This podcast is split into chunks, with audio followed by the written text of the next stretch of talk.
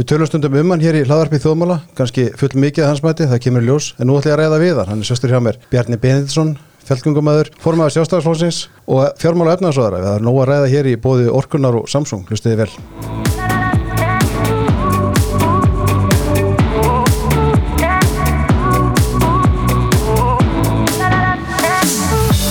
Velkomin Bjarni. Takk fyrir það. Takk fyrir að gefa þig tíma. Já, það er nú sjálfsagt. Sko, ég kynnti þessar rauði fjallgöngumæður, ég sá bara að þú varst að lappa á fjallu, hvað ég eigum í síðustu viku? Já, já, já, já. Í, já, ég reynir nú að komast á fjöll á hverju sumri og, og hérna hef komið nokkuð við það. Ég er svo sem engin sérstakur fjallagarpur en, en við fórum á þessi helstu fjöll í Vestmanneum um daginn og Og svo gengum við skemmtilega göngu líka við þóra með öðrum uh, þegar við fórum úr hljóðaklettunir í Ásbyrgi. Það var skemmtilega svona dagleið. Já. Það er svolítið síðan við vorum í því en, en hérna svona Er það, er, er það erfið ganga eða hvernig? Nei, nei, hún er nú meira minna niður í móti en það er stórkoslegt að koma niður í Ásbyrgi og sömulegis uh, bara mjög mikilfenglegt þarna upp í hljóðaklettum. Mm. Eitthvað framöndan slúið sumar? Uh, nei, nei, ég kannski bara reyna eitthvað að vera að veiða og, og, og, og svo ætlum við fjölskyldan í ferð til útlanda saman, förum með tengdafóröldra mína og alla krakkan okkar við þóra. Mm -hmm. Já, og steikandi fjölskylda, þetta er stóra fjölskyldið þér. Já, ég kom með eitt barnabab, það, það er eitthvað. Bjarni Afi, hvernig, mm -hmm. hvernig tilfinningu það? Það var bara dásanlegt. Um, bara reynd út sagt uh, ég skal alveg viðkjöna það ég, hérna, þurfti, ég þurfti svona smá aðlugun það er að segja bara átt af mig á því að þetta verði að gerast en þetta færi svo mikla gleði og hamingju að það er ekkert nema ekkert nema dásanlegt og mikil forrættindi að, að hérna, líka hafa hann svona frekar, frekar nálat sér. Já, einmitt. Þegar búið í Garðabænum. Einmitt. Herðu, ef við ekki hendur okkur bara beint í djúbulegina ég, hérna, það er nú ekki hægt að fá því vitt og lögur sem að ræða þetta stjórnarsamstarf sem að þýður í sjálfstaflokkurinn, Mr. Grænir og Framsótt Já. Og hvernig það gengur, það verðist nú ekki ganga vel þess að dana Já um, sko það var auðvitað ljóst frá upphafi alveg þegar að við þessir þrýr flokkar ákvaðum að að fara í þetta samstarf að, að það væri nú margt sem að hægt væri að finna uh, til þess að gera ágreiningum en En við vorum sammálum það að, að það væri svona uh, slíki tímar upp á þeim uh, tímapunkti að, að það væri mjög mikilvægt að fá stöðuleika í stjórnmálinn og þetta voru flokkar sem hafðu mjög góðan meirhlut á þinginu. Og ég vil nú meina að við höfum gert stjórnarsáttmála sem hafi verið bara tröstur og, og mjög vel svona frambærilegur fyrir okkur sjálfstæðismenn. Og, við fórum meðalans í skattalækarnir í tekjuskattinum og það átti að fara í það að styrkja bæði orkuöflun og dreifing orkunar um landið og margt fleira sem er sett á, á dasgrá og svo fáum við heimsfaraldurinn svona daldið eins og inn í, í, í síðuna eins og síðuhögg mm. bara uh, fyrir stjórnarsamstarfi sem að kannski á, á sinn hátt uh, var til þess að að menn þurft að þjætta ræðnar og, og hérna fólk kunna metta það hvernig, hvernig uh, ríkistjórnin brást við því ef, ef eitthvað er að marka mælingar á trösti til stjórnvalda Um, þegar við gerðum þennan stjórnarsáttmála eftir síðustu kostningar var sömu leiðis, múið segja, sama stað upp í stjórnar anstöðin hefði algjörlega mistekist að, að koma höggi á stjórnina. Mm -hmm. Við vorum með áfram góðan meirluta og okkur fannst eðlilegt að láta reyna á áframhaldandi samstarf. Uh, en það var ekkit alveg einfalt. Það tók langan tíma að setja stjórnarsáttmálan saman og við fundum að uh, það þurfti daldi nýtt súrefni í samstarfið og, og við erum núna komin bráðum uh, tvö árin í, í þetta kjörtíðanbíl og eins og allir vita, uh, þrýr flokkar hafa aldrei starfað svona lengi saman.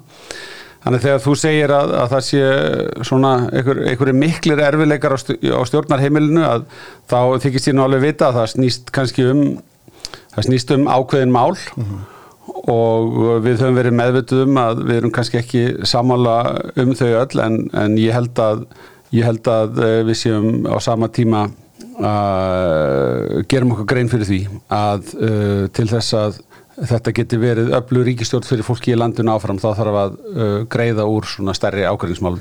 Sko ég áttum alveg að því að auðvitað verður átt núningur á milli stjórnarflokka og það er sjálfsögur eðlilegt og það var á síðasta kjörtjumbil líka sérstaklega þá sem það sem styrir kannski að helbiðismálum en það fór ekkert allt á yfirborð nú er þetta meira á yfirborðinu og það er einhvern veginn staðan er þannig að Já, við erum að ræðum, við erum veltaði fyrir okkur hérna kannski heila mánu hvernig ríkistóndin springur. Það er alltaf staða sem ríkistóndin vill vera í. Sko ég held að séu alltaf mjög margir sem að óska sér að ríkistóndin springi og, uh, og það er kannski... Það er bara margir hægrum en sem gera það líka. Já, já, ég held að þeir uh, myndu líka vilja sjá bara uh, sjálfstæðarflokkin stærri og uh, kannski slíka ríkistjórn sem að við myndum leiða sem að væri með ríkari slíkar áherslur, ég skil það en það var bara ekki það sem kom út úr síðustu kostningum -hmm. og það var bara einfallega ekkit augljóst að það væri hægt að mynda slíka stjórn, sterka slíka stjórn.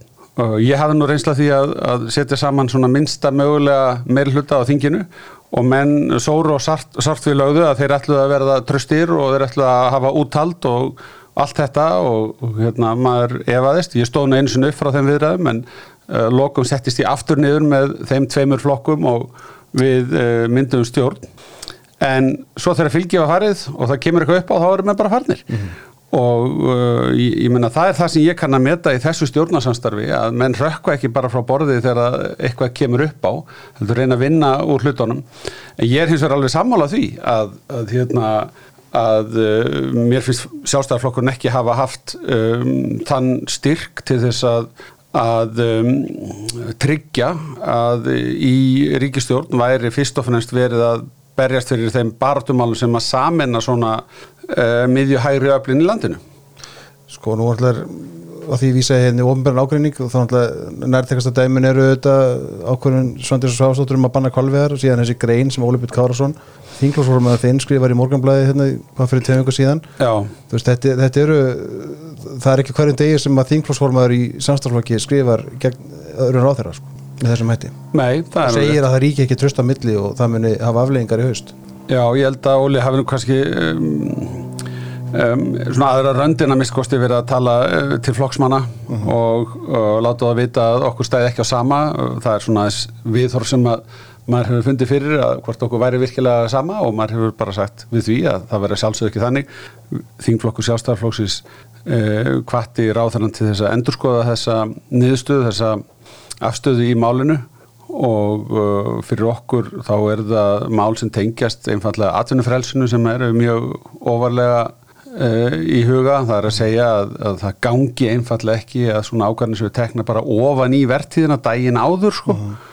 vegna allra þeirra sem eiga hagsmun að gæta og allur aðdraðandi sömuleiðist pólitist til dæmis uh, engin.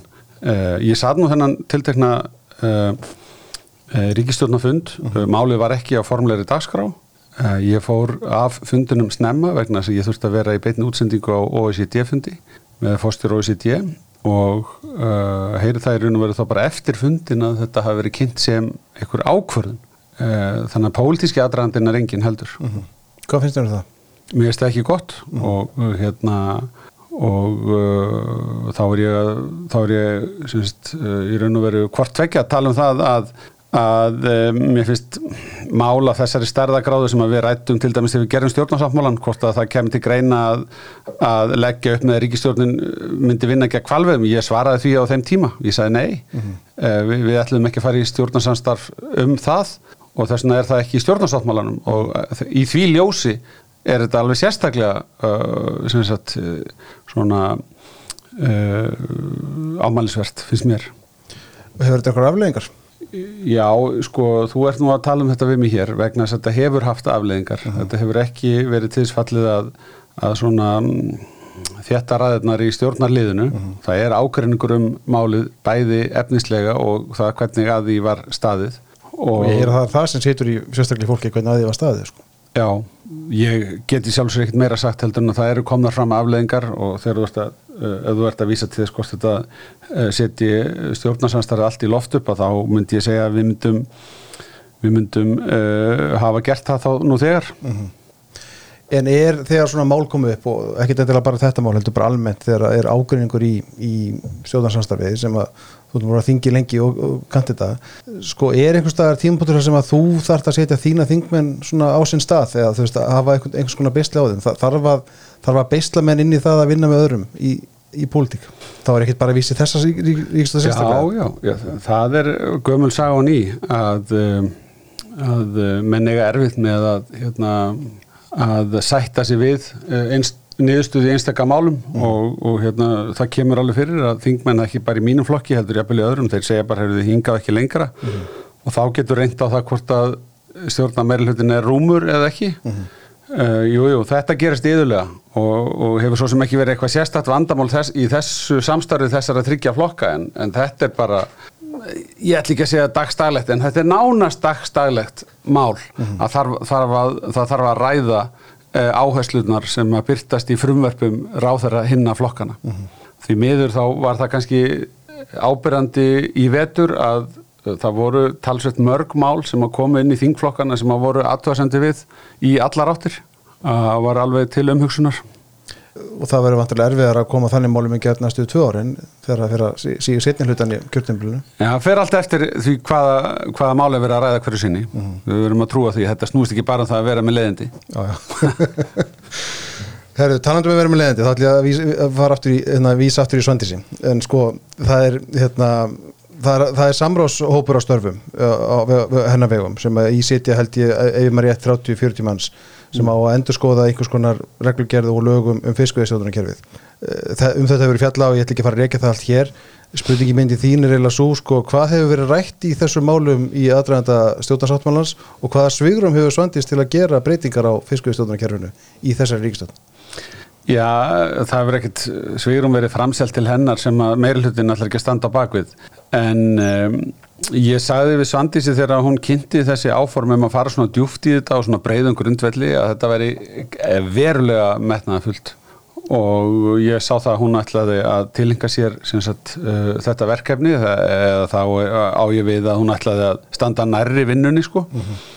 Og um, og mér finnst það í sjálfu sér ágætlega lofsvert af henni en, en við skulum ekkert uh, draga fjöður yfir það að, að hérna er verið að setja til skoðunar uh, gríðala marga þætti sem að hafa hérna, mótað uh, lögum stjórnfiskveða og um, ég svona bara býð eftir því að sjá uh, hvaða árangri þessi vinnamun skila. Það er, þetta er oft þannig að fyrst komum menn með eitthvað svona já, eitthvað svona sem að stundum er kallað grænbókar niðurstaða þar sem er búið að taka alla hluti og skoða þá og svo, svo eftir að útfæra sko tilugur á grundvill þess sem að menn hafa verið að ræða mm -hmm. þannig að það er sjálfsög ekki mjög mikið komið fram enn þá en en um, í grunninn held ég að hennar hugmynd sé nú svo að, að, að tryggja kostirnir í kerfinu þeir, þeir verði áfram til staðar en uh, þessi margum rætta sátt sem að menn er alltaf að leita já, já. sem aldrei verður í mínum huga sko, það verður aldrei 100% sátt við sjáum það til dæs bara núna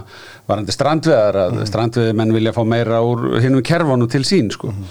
og það verður aldrei 100% sátt um skiptinguna þar um, og um, en það þýðir samt sem áður ekki að við getum ekki gert umbætur á kerfunum og í mínum huga þá skiptir öllu að huga vermaðasköpuninni hún mun standa undir uh, góðum launagreislum í greininni og mikillir vermaðasköpun fyrir þjóðbúði heild útflutningstekjur og svo framvegis og út frá slíku kerfi spretta síðan önnur tækifæri mm. það er það sem er svo fallett í raun og veru fyrir kannski síst 20 árin að sjá hversu mikið hefur verið að gerast í sjávarklasanum mm. Í öllu sem að tengist sko bara fæðubótarefnum yfir í húðhrensiförur eða núna nýjast keresis mm. sem hefur greitt aðgengi að hráefni úr sjávarutveginum til þess að stunda sínar rannsókna og þrónarvinnu og verður síðan á endanum verðmættara heldur en sjáraðsfyrirtækin sjálf um, þetta er það sem við viljum sjá við viljum sjá um, stöðut kerfi sem að uh, skiptir að sjálfsögðu ávinningnum með sangjörnum hætti gegnum skatt, skattgreislur og, og, og þessar aðgengisgreislur sem að veiðgjöldin eru Gerir það ekki nú þegar? Uh, jú, ég hef nú talið svona í öllum megin aðdröfum þar sem að kannski hefur helst verið til umræðu síðasta áratvíin eða svo er uh, það hversu ábáslega aukning hefur orðið í uppsjáveðanum á semst bara afkominni mm -hmm. að baki því vissulega tölvöld mikil fjárfesting sem er ekki hægt að horfa fram hjá en það hefur orðið okkur tilefni til dæmis til þess að breyta hlutföllunum að milli bólfisks og uppsjávar mm -hmm. gjaldsins og ég held að það sé ekkit eitthvað sem er endanlega mittlaði stein heldur með velta áfram fyrir sér hvort að við höfum um, hvort við höfum e, ástæði til þess að að útfæra það eitthvað nánar. En uh, ef það mistekst þá er sáttin undirliggjandi daldið í skotlinni og eftir því sem að menn uh, hérna, mannum mistekst oftar að koma til móts við um, það sem að sangjant og eðlett getur talist sko í þessu að þá uh, aukast líkunar á því að, að menn á einhverjum liðskurjums fórsendum brótist til valda og byrja að skemma kerfið. Og við höfum bara séð að gera stáður Já, já. Sko, ég ætla ekki tala mikið lengur við ríkistjóðuna en samt, þú, þú vendur hér áðan sjálfur að, að þegar við, við veltum fyrir okkur stuðu sjálfstæðalflóksins og hvaða áhrif hann hefur í ríkistjóðinu og á stefnumálinu og allt þetta Mm. uh, þá vísar við bara í niður stuðu kostninga Já, ég menna við erum stærsti flokkurinn og höfum verið núna ítrekkað aftur og aftur, nú tala menn um að kannanir síni að samfélkingin sé stærri en við slum bara spyrja leikslokum í því. Það eru kostningar sem gilda og um, uh, ég er bara að tala um það að, að hérna, jafnvel þóttu við höfum verið stærsti flokkurinn þá hefur niðurstæðan í kostningum dreifta atkvæðanum þannig að okkur hefur ekki síns mögulegt að skapa trösta öflugan meiri hluta eh, með miðju hægri flokkunum þannig að Sérðu fyrir þess, að það það er þaðan sem að þetta stjórnar samstarf sprettur. En sér þið fyrir að það gerist? það getur vel gerst. Og uh, ég meina sko í augnablikinu eru nokkur stór mál sem á okkur brenna og þú hefur hérna verið að tala mikið um, um, um tímabundi bann á kvalviðum sem eitthvað alfa og omega sko vandans. Nei, það gerði ekki. Nei, svona, það er svona talsverðu tími farið í það.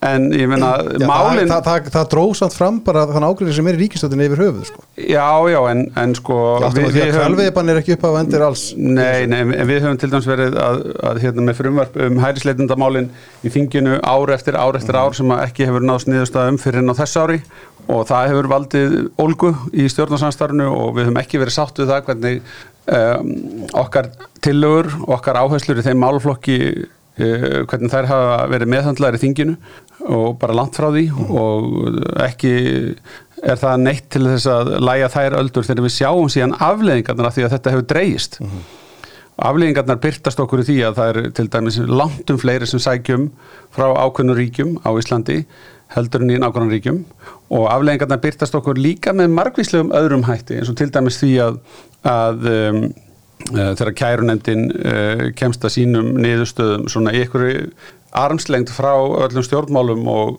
og það þarf bara meiri hátta kerfisbreytingar til þess að hérna, vindu ána þeirri niðurstöðu. Nú eru þær til endurskoðunar sem þess að uh, hérna er ég þá sérstaklega að vísa í það þegar kærunendin kostar niðurstöðu að að, ríkisborgarar frá Venezuela ætla að fá aukna vernd á Íslandi til fjögur ára. Og uh, á skjön við það sem almennt er að gerast annar staðar þó að það kunni hafa verið fordæmi fyrir ykkur viðlíka annar staðar. En þetta hefur hérna, útlendingastofnun út tekið til endur skoðunar ég nefni þetta sem annar mál. Ég geti nefnt um, Þú, þú nefndir þetta til dæmis á tröppunum á Bessastöðum 19. júni Já, sko, það er bara algjörlega óþólandi og það er ekki hægt að setja sig við það að við séum hér búin að byggja upp stjórnkerfi sem að getur ekki tekist á við þessar uh, beðnir með öðrum hætti heldur en í, fyrsta lagi að kalla yfir sér fleiri beðnir heldur en aðrir eru uh, að gera. Í öðru lagi tekur allt, allt, allt of langan tíma að afgreða það kostar 350.000 krónur á mánuði fyrir hvern, hvern einn sko. Að, að, að, hérna, hann, að bara hann býði eftir niðurstöðu. Við höfum verið á undanfjöndum árum sko að taka upp undir ár og, og lengri tíma, jafnvel upp í tvö ár, uh, dæmin úr fjölmiðlunum þar sem er verið að, að sækja fólk til þess að vísa því á brott og það eru kannski börn sem að e, þar koma við sögu sem eru komin inn í íslenska skólakerfi. Þetta eru dæmi um það hversu lengi íslenska stjórnkerfið hefur verið að komast að niðurstöðu og alveg, alveg og sko það er hægt að halda því fram að þessi einhver mannréttindi sko sem að er verið að passa upp á þegar að, þegar að kerfið er svona lengi, halda fólki svona lengi óvissu sko. Og, og auðvitað hefur maður fullan skilning á því þegar fólk er byrjað að aðlagast og börnega í hlut að hérna, kerfið er auðvitað að bregðast þessu fólki. Þetta er algjörlega óþólandi, þetta kostar allt of mikið og það þarf að við þurfum að, að hérna, hætta með hérna, einhver sér íslensk enkenni á því hvenar við samþykjum að veita fólki sem er að flýja stríðshrjáð svæði eða aðrar hörmungar uh, skjól með því að veita því hérna alþjóðlega vend uh, og við eigum síðan að fara að vanda okkur í því hvernig við uh, höldum utanum og hjálpum þeim að aðlagast sem að fá þá stöðu. Nú, þegar maður tala um þetta, þá fer fólk að segja að þetta, bara, þetta fólk er ekki vandamáli, sjáðu alla útlendingan sem er að flytja hérna og svona, það er bara allt, allt annað mál. Það er fólk sem er uh, komið með starf, er að koma enga til þess að vinna og við, það kostar okkur ekki 350 krónur á mánuði að halda hverjum slíkum hér í, í landi. Það bara er ekki þannig. Uh, en hælisleitinu sem er farið að kosta, um, já, sko Við síndum tölur núna í nýjustu fjármála áallinni um, í kringu 15 miljardar og það er örglega ekki ofa áallega, það er svona nokkuð augljós kostnaður, 15 miljardar á ári. Mm -hmm. Þetta eru tölur sem á voru þegar ég byrjaði ráðanettinu sko vel innan við miljard, kannski kringu 500 miljónir á ári. Sko þetta er algjörlega ósættanlegt og, og við erum ekki að setja þessa, sko aftur, við erum ekki að setja hana penning í að hjálpa þeim sem við höfum ákveða að veita vend. Uppistæðan af þessum penningum er að fara í það að halda upp í fólki sem við höfum ekki ennþá getuna til að svara hvort að fái vend. Þetta er algjörlega fráleitt staða. Getur þú bent á einhvern punkt, hvað hva gerist? Er það missa stjórnmáluminn sínin eða er kerfið sem brestur eða hvað hva gerist? Já, sko það hafa komið eins og ég hef sagt hér uh, frumvarp inn í þingið uh, ítrekkað uh -huh. og það hefur verið mjög mikið pólitísk spjall á bakvið tjöldin og millir ráðun þetta Um, þar sem ég held uh, að sé auglust að þurfa að gera er að koma upp uh, eins konar móttökubúðum sem mun bæði lækka kostnæðin og mögulega draga úr kvatanum til þess að leita til Íslands. Það er óeðlegt hlutfall á milli þess um, á Íslandi, hversu margir kom frá sumusvæðum borið saman við önnulönd. Mér sínist allstæðir í Evrópu séu, séu hérna, þessi mál uh, að valda spennu og olgu og, og, og, hérna, og þá kannski síðast nýjasta dæmið er, er það að ríkistjórnun í Hollandi sprakk uh, vegna, vegna ágrænsum þessi mál en við vitum það líka kostningaúslutin í Danmörku og í Svíþjóð og, Finn, og í Finnlandi uh -huh. um, réðust uh, að hluta til uh, á áherslum flokkana um þessi, þessa, þessa málaflokka og sko Ég hérna, heyri alveg þegar að menn stíga fram, ég sá hérna eitt prestin stíga fram um daginn og segja að flóttamenninir, sko, þeir eru nú ekki vandamáli, sko, þeir verða góði þjóðfélagstegnar og svona. Þannig er mann gjörsanlega búin að missa uh, sjónar af aðalatriðunum. Mm -hmm. Aðalatriði máls er það að við ætlum ekki að vera hér með einhver stærri hlið inn í landið og einhverja lægri þröskulda í alþjóðlegu kerfi um alþjóðlega vend.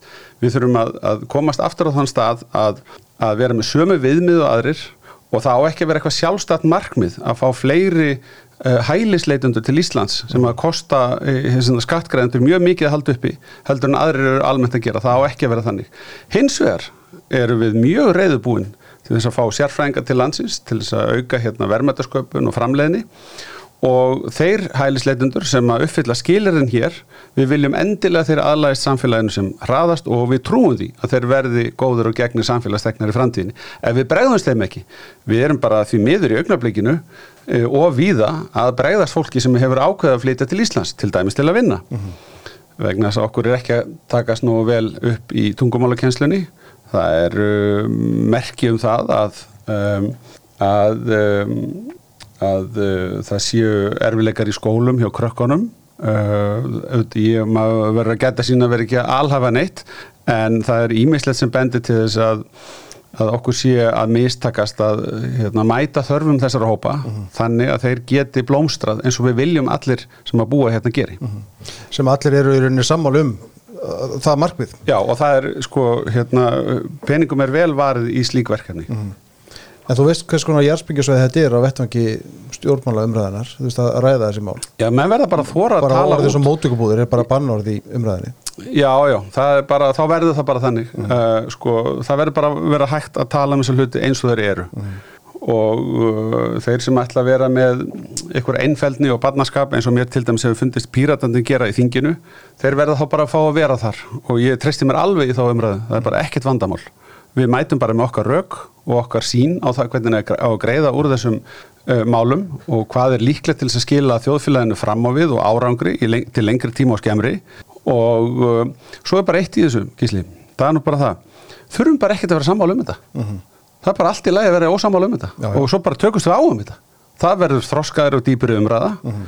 og minna, það er ástæði fyrir að ég er ekki í pýratum sko -huh. Já. Ég er bara annar staðar hugmyndafræðilega heldur en þetta fólk. Þannig að það þarf ekki að ná þverju pólitískri sáttum öll mál? Nei, það er bara þarf ekkert að gera það alltaf sko. Mm -hmm.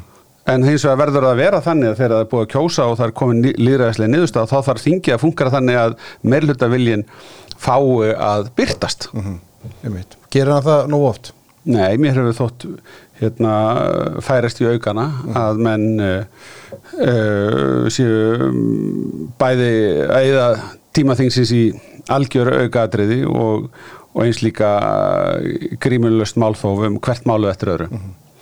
Sko málþóf, ég menna ég hef tekið þátt í málþófi, eh, sko ég er ekki að segja að það sé eh, hérna ólýðræðislegt í sjálfu sér en sko það er eitthvað starf eitthvað mörg og uh, mér finnst að uh, svo ég taki bara aftur þetta tiltekna mál sko lögin um útlendingalög uh, þetta tók allt og langan tíma og þetta hefur kostað okkur marga miljardar hversu uh, lengi þetta hefur tafist Er þetta einhvers konar byrtingamind breyttra stjórnmála, freylir flokka og, og svo frammeðis? Já, ég held að, að, að flokkakerfið hafi um, þróast af, af ímsum uh, ástæðum yfir tíma og þessar breytingar hafi svolítið staplast upp og eins og ég horfa á það þá kannski byrjar það með því að við stækkum kjördæminn hérna 1999 sem að lækkar þröskuldin fyrir síðasta þingmannin á þing og um, síðan kannski næsta stóra skref sem tekið var eftir það var þegar voru settar verulegar hömlur á það hvað stjórnmálflokkar uh, með að sækja sér í sjálfsabla fjö, bæði frá einstaklingum og fyrirtækjum og við á sama tíma stóri jökum ofnböru framlögin inn í stjórnmálflokkana. Þannig að þarna ertu þá bæði búin að lækka þröskuldin inn á þing og setja flokka á uh, ofnbör framlög eins og við sáum eftir síðustu kostningar að sósélasta flokkurinn sem fekk engan þingmann kjörinn færi á þessu kjörtímabili 120 miljónir. Mm. Ég veit alveg hvað, hvers konar átak þar til að sækja 120 miljónir á fjórum árum. Það er sko gríðalegt Já, átak. já, það er. Er gríðalegt átak. En, en hérna, þetta er niðurstaðan af, af, af því að við höfum verið að fykta í þessu kerfi. Svo er þetta fleira sem kemur hérna inn í sem eru hlutir eins og bara samfélagsmiðlarnir.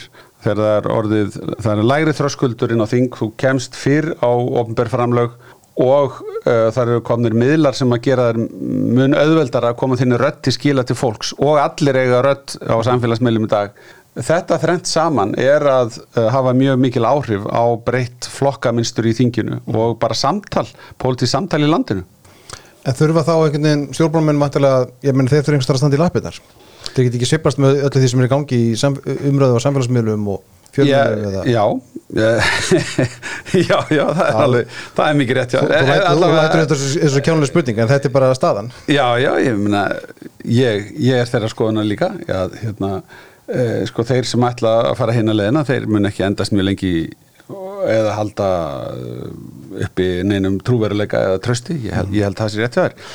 Og hérna, með mikið gleyma því sko að að, um, að því að maður heyri stundum þetta sko, veist, geta menn ekki bara orðið sammála og þú veist, að þarf þetta að vera svona erfitt og mikið reyfrildi, sko, það er munur á því að takast á, á málefnalegum grundvelli sko, og það er þetta að takast harkalega á sko, og svo bara leiða fram niðurstöðu.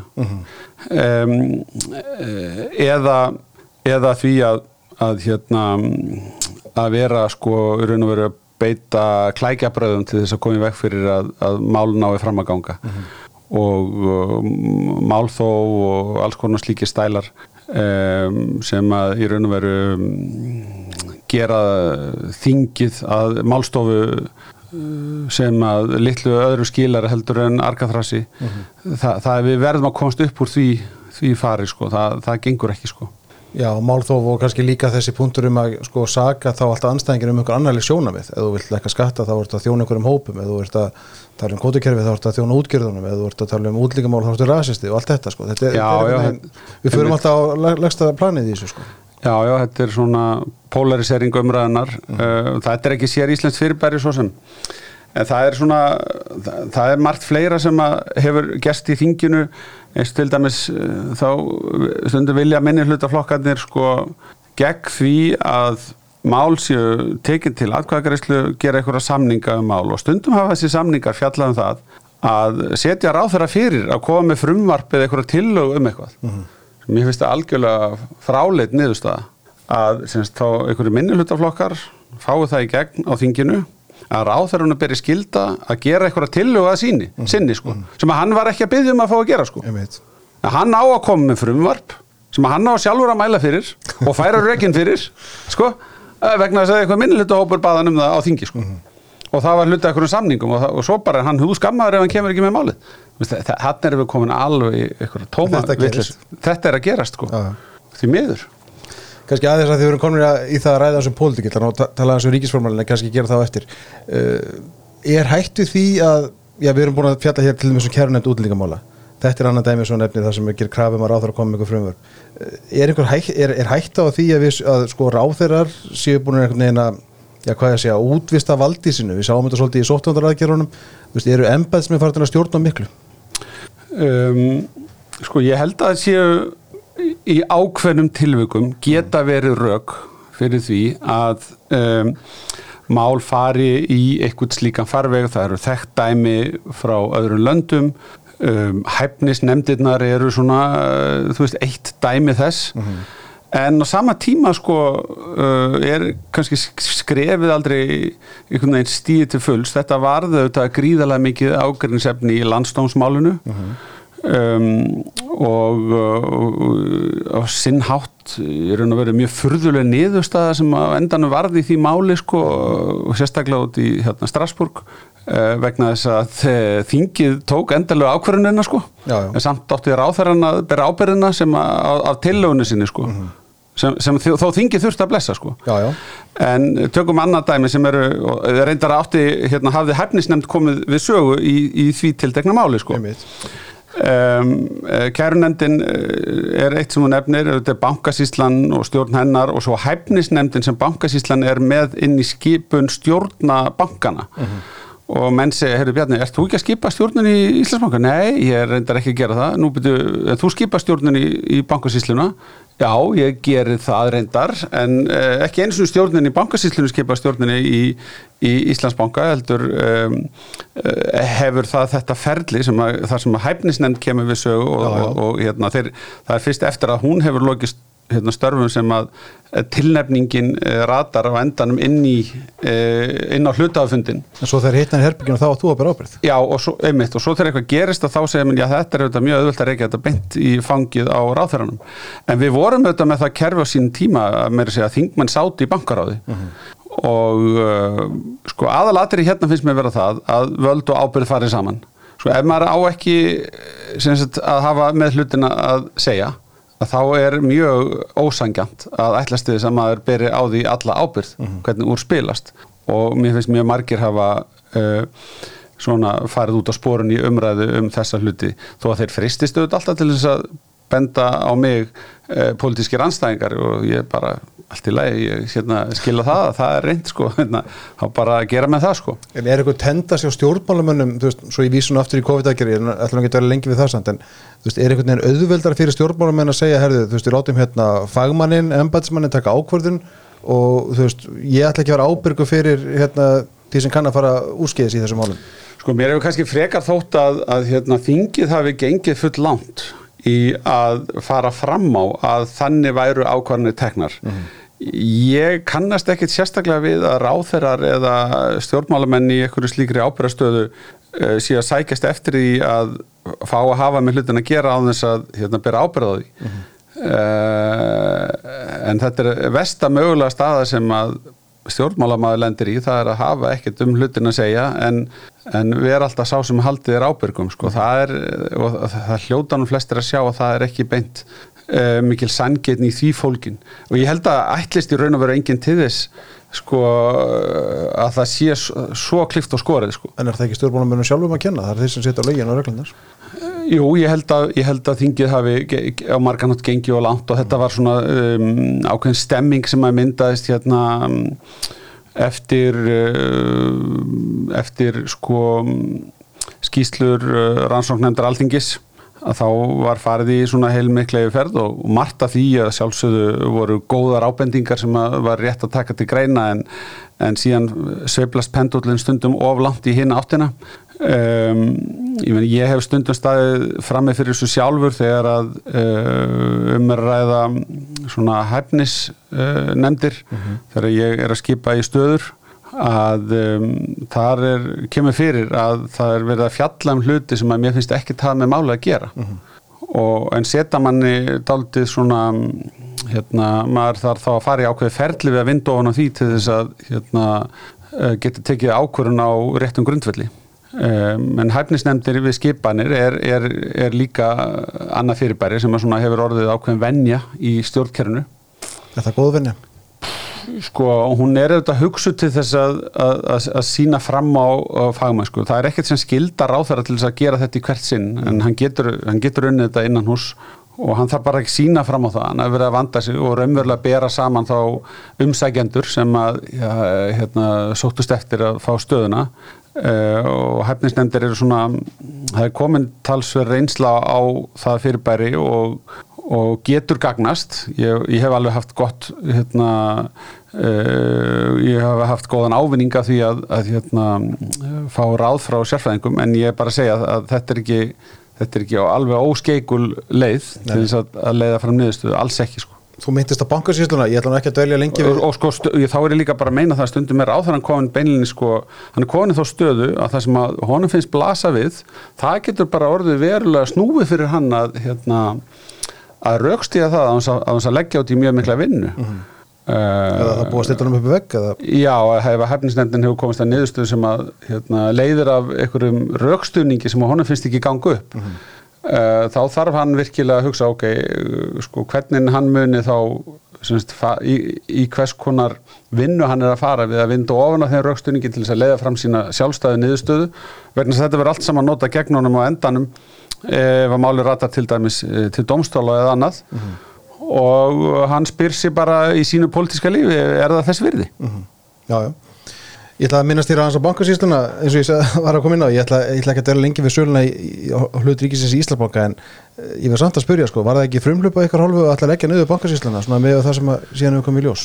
Sko, ég lagði nú til á sín tíma að við myndum leggja bankasýsluna niður og um, það var ekki samþitt á þinginu. Uh, það var einfallega vegna þess að mér fannst sagt, hérna, megin hlutverki bankasýslunar á þeim tíma lokið og mér fannst uh, erfitt að réttlæta það að halda úti semst, þó þetta væri náttúrulega ekki mjög stór og mannfregstofnun að halda núti á dagstæla um grunni meðan að ekki stóð fyrir dýrum að halda fram að selja neitt og við myndum bara finna fyrirkomla fyrir það þegar það kemi en þetta var ekki ákveð að gera.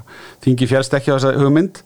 Uh, við klárum síðan fyrir átbóðið og ég held að flestir séu sammála um að það hefði tekist veð ég, ég veit að það eru undartekningar á því en ég var bara mjög ánæg með það útbóð Uh, í setna á útbóðinu þá rísa mörg ágæðingsefni og því miður erum við enn að fá upp á yfirborðið hluti sem ekki voru í lægi og ekki lögum og reglum sangvæmt og það er mjög uh, ergilegt, uh, gerur okkur erriðt fyrir og varpar skugga á það sem að öðru leiti voru sko hérna var velhæfnu sala mm -hmm. því við höfum þetta marg, mörg markmið með sölunni, við höfum til dæmis markmiðum Eh, breiðan eh, eigendahóp og, og hérna, fá sangjant verð og svo framvegs. Mér fannst þetta takast tröst eignarhald á bankanum eftir söluna og margt slíkt en uh, það er hins vegar óþólandi ef að uh, það hafa fengið að taka þátt uh, aðlar sem ekki uppfylltu skýlirinn mm -hmm. Og, um, og það mistókst að tryggja fullnægandi gagsægi og svona kynningu kannski á fyrirkomleginu mm -hmm. Uh, og þessi lögbrot sem að uh, hafa núna verið grundvöldu sáttarinnar eru þetta líka alveg sérstatt uh, sko sérstatt efni í hvað við að segja pólitíska erfiðleika varandi frekari sölu -huh. Mhm. þannig að það, það kallar á frekari undirbúning og meiri tíma og kælingu og svona en Sagt, strax í kjölfarið eftir að ágæringur Rísunsöluna þá vorum við sammála fórstum með ríkistjórnarinnar að um, við myndum uh, fara aðra leiðir í framhaldinu og við myndum uh, ekki þurfa á bankasýslinu að halda til þess að fara þær leiðir. Við vegum enn eftir að ákvæða nákvæmlega hvað á að taka við og það er nú eitt af því sem að Ríkisendurskóðandi var að, að tala um í svona sinni eftirfylgni með Íslandsbankamálinu að hann saknaði þess að heyri ekki sko hvað er að taka við um, en til þess að ákvæða það þá þarf að breyta lögum uh -huh. og, Hvað hefur þið hyggjuð þar? Já, ég hef verið að undirbúa semst, frumvarp sem að uh, við höfum svo sem ekki sammælstum en þá í ríkistjórnini en það frumvarp uh, í raun og veru gengur út á það að, að, hérna, að hætta með sérstakar stofnunum eignar hluti í fjármálafyrirtækjum vera bara með eina eignarsýslu fyrir hlutabrefin sem að ríkið ætlar að uh, vera með hjá sér og, og þetta þá í Savi á landsverkinu þar, þar undir það? Já, posturinn og, og fleiri -huh. og og, uh, og samlega því þá var það mín meining að, að hérna, hækka sko í raun og veru kröfunar á það hvernig uh, skipað er í stjórnir breyta þessu pólitíska samráði sem hefur verið við þingið þannig að uh, það verði áfram um, aðkoma þingsins að því að skipa í slíkar stjórnir og þá er ég að tala um Eh, aðra en eh, fjármálafyrirtækin af því að við höfum verið með pólitísk samráð um skipanstjórna eins og Ísafja og, Íslandspost og, og Orkubú Vestferða og Rarik og fleiri. Um, en ég hef viljað formgera uh, þessa reglur betur og tryggja að bæði samsetning stjórnarinnar væri uh, uh, væri sko til þess fallin að styðja vel við reksturinn, þá er ég að horfa á faglegu þekkinguna, það koma þarna inn í kynja hlutföll og uh, aðri hlutir sem að uh, einfallega er að hugsa til þess að auka svona um, faglegu kröfunar. Það getur ekki verið þannig að, að það sé bara mál eitthvað eins þings, þingflokks uh, hvort að einhver einstaklingu fari inn eða ekki með tilnefningu til mín vegna þess að einhver starf verður uh, einhver að taka ábyrð á því að samsetning stjórnarnar sé heppileg mm -hmm. með tillit til reynslu, þekkingar og bakgrunns og, og fleira. Og það má líka gera lámaskröfur til þess að taka þátt í, í hérna, slíkum stjórnum þó ég almennt sé ekki á því að gera mjög miklar slíka lámaskröfur um, þannig að hugmyndi var svo að koma á fót einingu sem að heldu utanum öll þessi bref um, Væri það þá stofnunni sem myndi sjá um söluna á frekar eignarhlutum í, í hérna, fjármálafyrirtækjum? Ekkert endilega. Það eru sérstök lögum það, lögum sölu á eignarhlutum ríkisins í fjármálafyrirtækjum. Mm. Uh, og við getum farið ólíka leiðir uh, við að selja, við getum farið útbóð og bara hérna falið einhverjum eftir útbóð að hérna, sjáum að koma brefunum í verð, við getum koma að fót uh, einhverju nefnd sérfræðinga sem að myndi sjá um þetta eins og gert væri hérna í, í sína tíð sko þegar menn voru með svona enga venga ferli um, og Það er þá stefna ríkistöndunum að selja sín hluti í Íslandsbanka ekki? Jú það er ennþá stefnan okkar og uh, ég held að það sé ágætti samhljómur um að svo sala sem er eftir ætti að fara fram uh, með sem svona almennustu útbóði, mm. bara helst í almennu útbóði. Ekki það að það sé skynsalegt að, að hérna, útloka eitthvað tegundi fjárfesta en að allir eigi kost á að vera með. Hvað viltu gera með landsbákan? Nú spyr ég bara sem formað sjóstaflóðsins sem ekki sem Já, sko, ég er, ég er, þeirra, ég er þeirra skoðunar að, að, hérna, að ríkið eigi að selja eignarluti sína ekki bara í landsbankana þar sem ég tel að, að það veri góð pólitísk ákverðun að halda eftir kannski svona 40% hlut. Af hverju? Já, meðal annars uh, vegna þess að uh, á Európska efnaðsvæðinu sko, er frálsflæði fjármaks og menn geta komið á fjárfest og ég held að fyrir okkur Íslendinga sé mikilvægt að að við séum með rástafunir eins og til dæmis þá rástafun til þess að tryggja að, að minnstakosti eitt kerfislega mikilvæga banki sé íslenskur með höfustöður á Íslandi en sé ekki bara útibú frá okkur öðru landi. Og þetta held ég að sé mikilvægt. Um, fyrir utan það svona pólitist praktíst held ég að, að hérna að uh, það væri, við værum komið með 80% af ávinningum með því að losa meir hlutan í í landsbankanum uh, fá þá fjármunni inn til annara verkefna og værum þá líka búin að selja Íslandsbanka en ég er sömu leiðist þeirra skoðunar að uh, það ætti að selja önnur fyrirtæki uh, Íslandspóstur er dæmið um það þar að við bara skilgrana þá þjónustu sem við teljum mikilvægt að veita uh mhm. -huh. og við höfum að setja hvaðir á þann sem að fær greitt fyrir að veita þá þjónustu -huh. Mhm. og svo þurfum við ekki að vera með ríkisrækstur í þessari tegund starfsemi mhm. Uh, og við sjáum þetta bara líka núna mjög vel, ég myndi kannski vilja segja síðustu þrjú til fimm árin höfum við síðan algjörða byltingu í sko sendingaþjónustu. Já, já.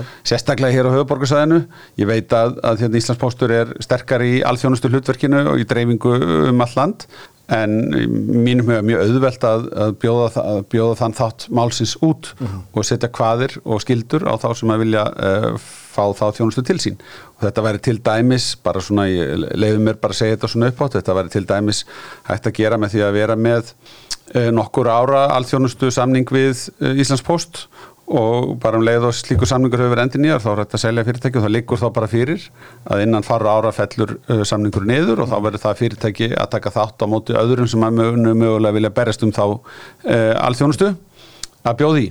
Þetta er frábær hugmynd en allar að gera eitthvað í þessu?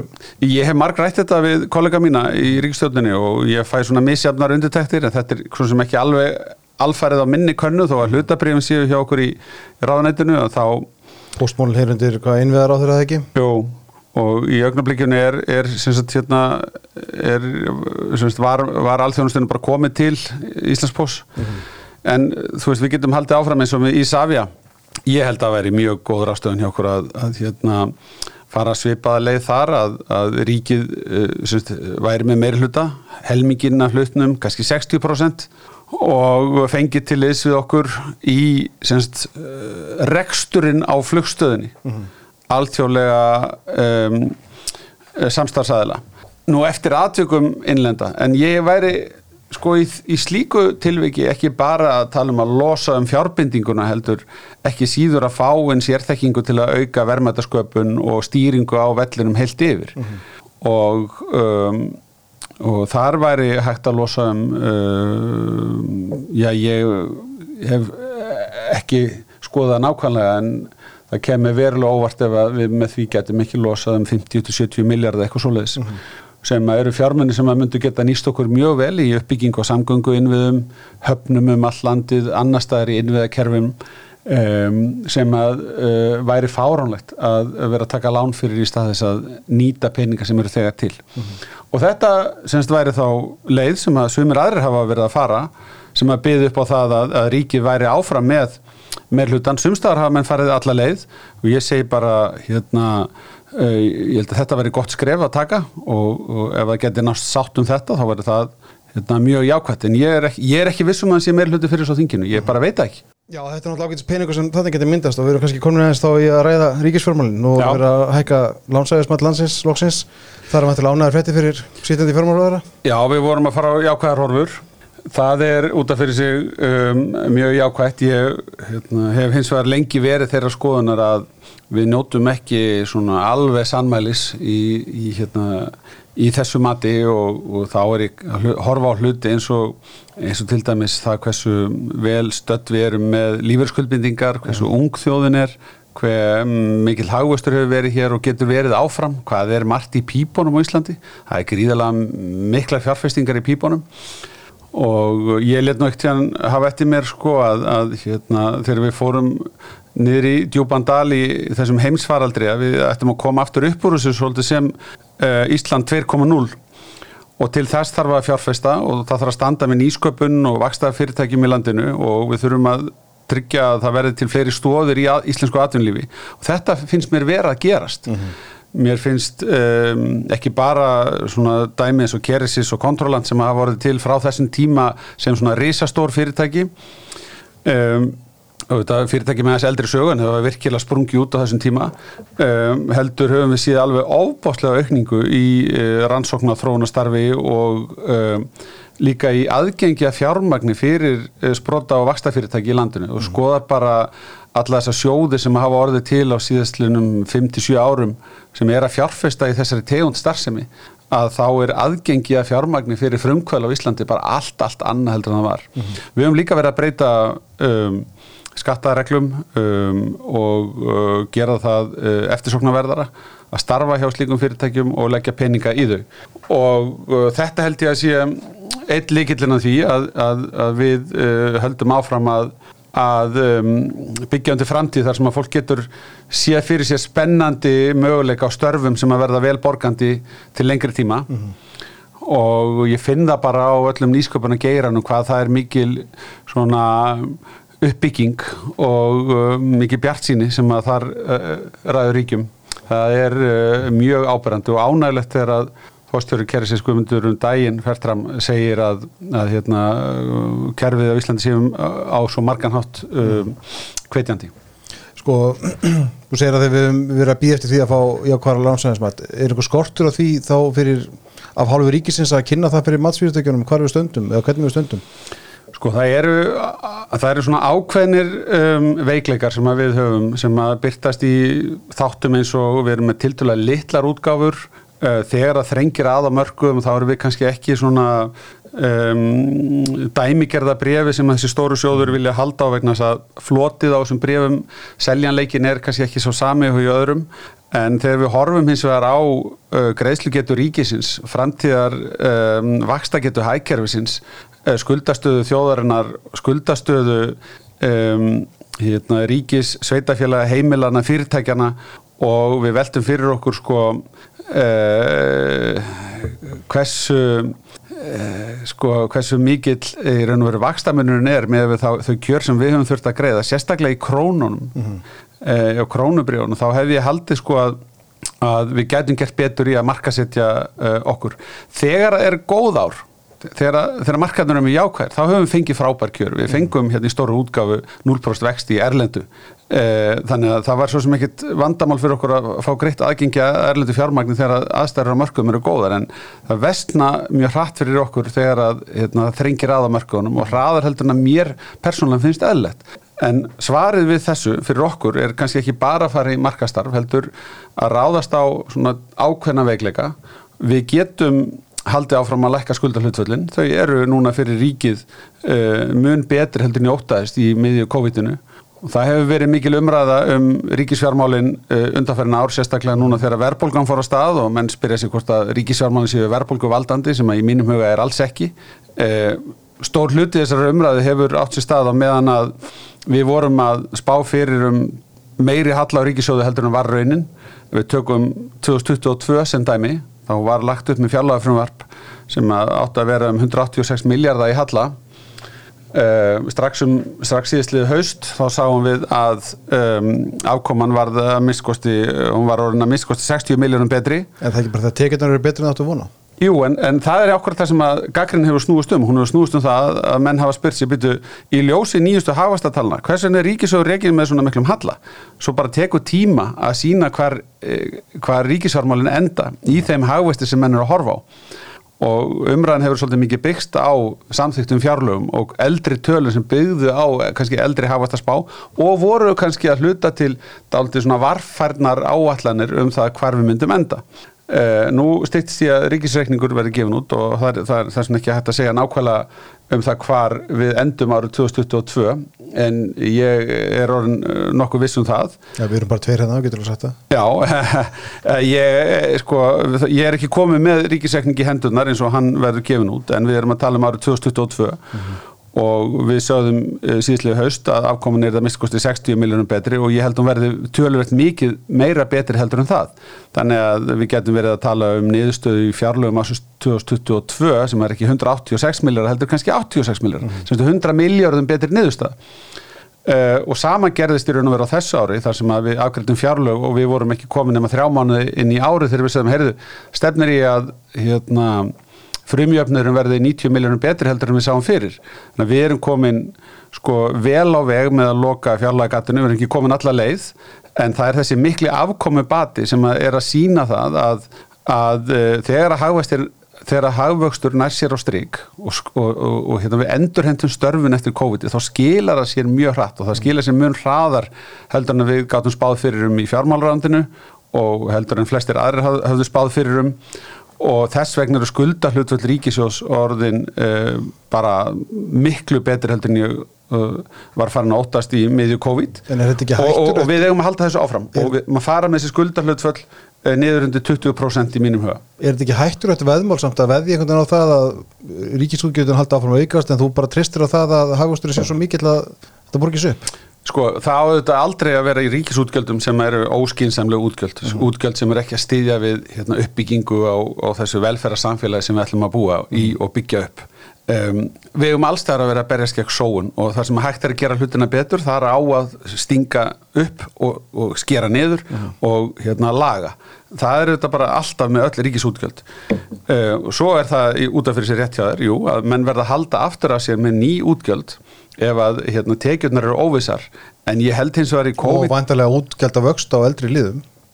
Sko við verðum um, sko bara þannig klára hitt fyrst sko. Í COVID-inu sögðum við við ætlum að sætt okkur við hallareksturinn vegna sem við erum að standa með samfélaginu við erum að standa með heimilónum, við erum að standa með fyrirtækjónum, mm það mun skila sér mjög hratt tilbaka mm og það gerði það. Fyrirtæki gáttu ráð til sín fólk vegna þess að kennitalan var ennþá þarna, hún var ekki slita meðferð og heimilin hérna, sá kaupmátt sín vaksa sem, sem var hluti af þessari enganislu sem við sáum vaksa mjög ört í fyrra. Það hafi verið, það hafi sapnast upp spartnaður sem að fór síðan út í enganæslu þannig að sko ef að markmiði var það sem að við hérna höfum sammálst um í, í ríkstjórninni að verja heimilunum fyrirtækin þá tókst það gríðilega vel. Það má spyrja sig hvort að vextitin hafi lækkað mikið á sama tíma í selabankanum sem enn uh, jóg á uh, kaupmátt heimilana en En þetta verkefni tókst og ég hef ekki verið neinu vandræðum að verja það fyrir sjálfum mér eða öðrum að við gerðum það með því að taka lán. Mm -hmm. vegna sem ég trúði að þetta myndi allt saman skila sér aftur í öflugum hagveistu og það er að gera það. Um, varðandi útgælda vöxt, sko, sko, ef að útgreitur elli líferir, almantrygginga, hækkar vegna sem við höfum fundið svigrum til þess að auka við mánægilega greislur til þeirra sem ekki hafa náða að nýta starfsæfina til að byggja upp uh, frálsann líferi mm -hmm. uh, er það góðið að slæm rástöfun á óbyrju fyrir? Ég segi, ef við erum að gera þetta með sjálfbærum hætti, þá er þetta góð rástöfun uh, auðvitað þarf að gæta sína ekki fram úr sér og uh, það þarf að vera eitthvað jafnvægi á millir þess að búa til kvata til þess að leggja til hlýðar í skildu sparnaði Já og, og, og þess að grýpa hýna sem að ekki hafa gert það. En um, ef við kaupum uh, betri krabbmennslif á landsbytalan sem að auka lífslíkur fólks jáfnvel þó að séu fáir en þau kosta mjög mikið er það góðið að slæma ráðstöðun á omberu fjö? Já, ég held að allir sammála um það sko Já, ég veit það ekki gísli. Ég er ekkert vissum að séu allir sammála um það. Ég er bara, heyri, yðurlega fólk tala um ríkisútgjöld eins og hver ný króna í útgjöld sé töpu króna. Mm -hmm og ég bara er ekki samálaði. Við erum ekki að stunda hér ríkisregstur til þess að hafa af honum eitthvað hagnaðið afgang. Við erum að hlúa að samfélaginu. Mm. Við erum að búa til lífskjör í landinu. Við erum til dæmis að reyna að þjætta helbriðskerfið okkar. Þannig að fleiri getur fengið afbrast þjónustu. Þannig að við getum verið fremsmeðal þjóða í því að halda utan á fólki sem hér býr og veita því gott aðgengi en líka gæða þjónustu og við þurfum þá að laða til kervisins eh, fólk sem að, hérna, er í, við erum í alþjóðleiri samkeppnum, bæði hjúkurnafrænga, lækna, sjúkrarliða, aðra. Og það hefur nú aldrei verið umræðan um það að við verðum ekki að setja nægilega mikið e, til þess. En við höfum verið að auka útgjöldin ár frá ári. Og uh, það er hluti af útgjaldavextunum sem að ég heyri yfirlega að tala um að hérna, ríkisbakni sé að stækka, vistu það, ég horfi ekki þannig á það að ríkisbakni sé að sé að stækka þegar við kaupum meira af uh, markvissari lifum eða þegar við ráðum fleiri inn til þess að sinna þjónustinu vegna þess að hjá ríkinu hefur í raun og veru mest verið ráðið inn í helbríðskerfið, hjá sveitafélagunum hefur mest farið inn í, inn í, inn í hérna, skólakerfið og um, það voru rástafanir sem ég held að hafa verið nöðsynlegar og við þurfum að fara að horfast í auðvið það við Íslendingar að útgjöld til helbríðsmála eru engung að fara að vaksa í framtíðin mm. vegna þess að okkur er að fjölga við erum að eldast og eh, lifum lengur og þetta. já og hérna, eldra fólk eh, er að jafnaði með meiri umönnunarbyrði og uh, þar sem við þurfum að gera er að sætt okkur við að þetta mun halda áfram að vaksa sem kostnæðilegur en leiðin fyrir okkur til þess að fást við það er svo að taka í gagnið nýjustu tækni, skilvirkar aðferðir, fletta saman óberi þjónustu og enga þjónustu þar sem það á við uh, fara eins vel með peningan og hægt er. Og við sjáum það í fjármálaranduna á hverjum degi að það eru dæmi út um allt stjórnkerfið uh, þar sem hægt er að fara betur með fjármagn. Mm. og, það er rosalega mikil tregða menn er rosalega svona Uh, ég ætla ekki að segja heimóttalegir en svona menn fara oft í varstöðu fyrir það sem þeir eru að vinna við og kerfin sem þeir hafa byggt upp og svo framvegis. Þegar við sjáum mjög vel á samanbyrðið millir stofnana að það er hægt að samina rekstrareiningar og vera með þver, eh, þvert á stopnanakerfið eh, tiltekna þjónustu, ég nefnir sem dæmi tölvið þjónustu eða fastegna rekstur er annað sem við erum að þróa mjög hratt hjá okkur, erum að skapa þessar deglur í, í fastegna málum þar sem að fleirin einn stopnun kemur saman á sama stað. Um, þannig að það eru, eru endalisa leiðir en það er það er, það er ákveðin tregða í kerfinu til þess að taka upp og uh, nýja starfsætti, nýtt verklag, ný kerfi, nýja hugsun, uh, innkaupur annað dæmi sem er mjög augljóst. Við höfum verið að vinna því núna allan tíma sem ég hef verið í ráðnættinu að, að, að byggja upp getur til þess að greina hvernig ríkið er að stunda innkaup mm. og það er ekki fyrir enn í fyrra sem við erum komið með svona ásættanlegt aðgengi fyrir ríkiskaup að upplýsingakerfunum, bæði gegnum fjársýsluna og frá hérna, okkar þjónustu veitundum eins og Advanja sem að gera okkur kleift að bera saman milli stopnana hvað er verið að greiða fyrir ákveðnar vörur. Og þetta er alls konar rekstrarvörur, endalust verið að stunda innkaup af öllu frá tölvum yfir í skrippborð yfir í stærri hluti og uh, sérhæft tæki og annað þess að þar og það er einungis með því að fjárfesta í greiningagetu sem að við getum í raun og veru sínt fram á ávinninginu því að, að vera í samstarfi og sé ekki hver að gera þetta fyrir sig. Eins og, eins og, eins og nefndin sem að ég sett á fóteinsunni til þess að fara sérstaklega onni í svona vörukaupin og saði við mig Bjarni vandamáli hjá þér er að þú með 176 hérna, innkaupastjóra, það eru er einni hverju stopnun mm -hmm og uh, enginn myndir reyka fyrirtæki þessari starðagráðu með svo marga innkaupastjóra. Og, og, og við erum auðvitað með uh, góð dæmi á síðasta áratug um það uh, hvað ríkiskaup geta unnið mikið gagn fyrir stjórnkerfið í heild og einstakastofnanir og þetta verður í stöður í þróun. En þetta er ég alltaf reykja vegna þess að ég sé svo vel, svo víða í kerfinu að það er hægt að fara betur með. En sko þegar menn segja bara, erðu, hérna 2016 voru heildarútgjöld ríkisins 100 og svo er hérna 2023 og þá eru heildarútgjöldin 170 þetta er náttúrulega bara galið. Og ég segi já við slum bara ræða það sko. Slum bara ræða það. Já, hvers... þú, þú ræða það sem þetta ekkert mjög oft. Já ég er alltaf til að ræða þetta. Slum bara ræða það í fyrsta lagi hversu mikið af þessari aukningu í, frá 100 upp í 170 og einhverju vísitölu mm -hmm. um, eru, eru bara hreinlega laun það bara mjög stór hluti af uh, nýjum útgjöldum ríkisins millir tímabila er bara einfallega launahækkanar á Íslandi og ég hef nú verið mjög eh, óspara á að benda á að laun hafa að jafnaði verið að hækka of mikið á Íslandi mm -hmm. ef við meinum eitthvað með því að við viljum hafa verðbólguna lága og vexti lægri mm -hmm. sko ef við meinum eitthvað með því þá verða, eh, verður launathrónin yfir tíma að kallast á við þá hérna, óskokkar þann vilja sko. það verður ekki tekist neitt sérstaklega vel Eh, svo þarf bara að skoða það í, í, hérna, í öðru liðum hvar við höfum verið að auka útgjöldin. Þau hafa vaksið mjög mikið í almantryggingum og um, uh, þar er ég bara mjög ánar að sjá hversu vel við hérna, uh, tekist hefur til við kerfisbreytingar sem að standa þó betur með lífeyrstegum. Það er líka mjög ánægilt að sjá hvernig fyrir kynnslóður uh, búði hæginn fyrir framtíðina vegna þess að núna eru á hverju ári að koma nýjir árgangar inn á lífeyrisaldur sem að jafnaði eru með betri lífeyrisréttindi heldur en þeir sem á undan komu mm. og þetta sést gríðalega vel inn á tekjusagan.is þar sem þú getur séðið við tíma hvernig fólk ákvæmna aldurspili eh, af hverju það lifir, hversu mikið eh, hverja ráðstöfnu tekjur þessi eru þar að segja hvað hæfur það millir handana bara eftir skatta og hvernig það, þær tekjur eru samsettar að lífeyristekjum, bótum almantrygginga, e, eigin atvinnutekjum og svo framvegs.